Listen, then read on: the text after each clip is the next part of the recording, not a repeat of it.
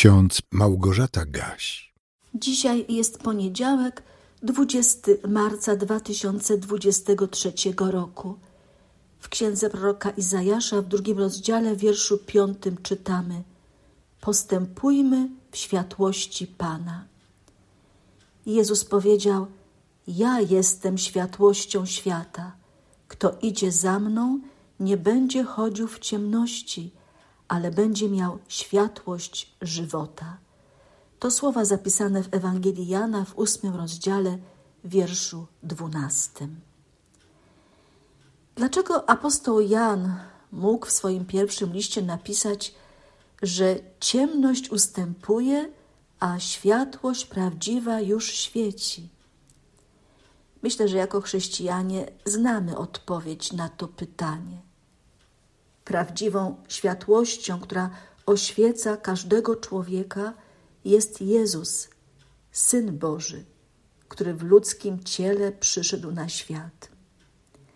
Gdy w Galilei rozpoczynał swą publiczną działalność, wypełniło się proroctwo Izajasza, bo jak czytamy w Ewangelii Mateusza w czwartym rozdziale, lud pogrążony w mroku ujrzał światłość wielką i tym, którzy siedzieli w krainie i cieniu śmierci, rozbłysła jasność.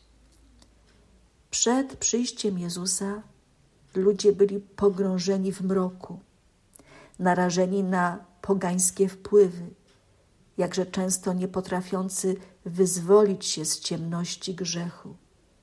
Niczego tak bardzo nie potrzebowali, jak właśnie Bożego światła. Jezus przyszedł do Galilei, głosząc dobrą nowinę o Królestwie Bożym. Wcześniej, zanim Jezus przyszedł, ludzie mogli jedynie odgadywać, kim jest Bóg i szukać Go po omacku. Wraz z przyjściem Jezusa ludzie zaczęli rozumieć, jaki Bóg jest naprawdę. Już więcej nie musieli odgadywać i szukać w ciemności. Już wiedzieli, już słyszeli i widzieli. Prawdziwa światłość była wśród nich, a co ważne, oni od tej światłości nie uciekali. Chociaż przebywanie w bliskości Jezusa niosło za sobą poważne konsekwencje. Bycie w bezpośredniej bliskości Jezusa, w Jego świetle, pokazywało ludziom, jacy naprawdę są. Ujawniało ich złe, grzeszne uczynki, obnażało ich zepsute, nieposłuszne wobec Bożej woli serce. To na pewno dla wielu nie było łatwe, ale na szczęście światło Chrystusa ich przyciągało.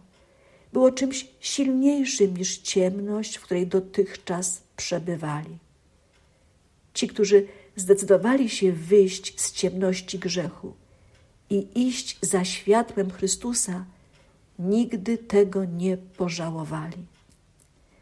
Byli jednak i tacy, dla których światło Jezusa było niebezpieczne i woleli się oddalić, nie zdając sobie sprawy z tego, że tracą to, co najważniejsze. Zamykają dla siebie drogę do Królestwa Bożego. Jezus zapraszał ludzi do siebie i nadal zaprasza słowami: Ja jestem światłością świata. Kto idzie za mną, nie będzie chodził w ciemności, ale będzie miał światłość żywota. Pójść za Jezusem to po prostu uwierzyć, że jedynie w Nim jest zbawienie. Jedynie On daje nam pewność życia wiecznego w Bożym Królestwie. Gdy ktoś przyjmuje Ewangelię Chrystusową, to jego życie całkowicie się zmienia. Odrzuca uczynki ciemności, bo chce naśladować swego Pana. Chodzi w Jego świetle, bo jest prowadzony przez Ducha Bożego. I zawsze wtedy, gdy zdarzy mu się popełnić jakiś grzech, nie zwleka z wyznaniem tego grzechu, ponieważ pragnie odnowić swą społeczność z Panem, by cieszyć się Jego bliskością. Dzięki Bożemu światłu dokonuje się cud przemiany serca, a ciemność wywołana przez grzech zostaje przezwyciężona i rozproszona. Tego cudu przemiany serca Jezus pragnie dokonać w każdym z nas, ale my musimy do Jezusa się zbliżyć i w Jego świetle pozostawać. Tego światła dostarcza nam Boże Słowo, o którym już psalmista mówił: Słowo Twoje jest pochodnią nogom moim i światłością ścieżką moim. Dlatego codziennie powinniśmy mieć kontakt ze Słowem Bożym i cieszyć się tym światłem, które nigdy nie gaśnie i zawsze prowadzi do wspaniałego celu, do życia wiecznego. W kalendarzyku z Biblią na co dzień mamy dzisiaj zapisaną pieśń ze śpiewnika zatytułowanego Będę śpiewał i grał. To pierwsza zwrotka z pieśni numer 14. Ty jesteś światłem dla moich dni, pogodnym porankiem bez mgły. Tyś jest światłem nadziei, co rozjaśnia mrok. Z Tobą życie ma tylko sens. Chcę być światłem Twym, ogrzać ciepłem Twym, podać komuś dłoń.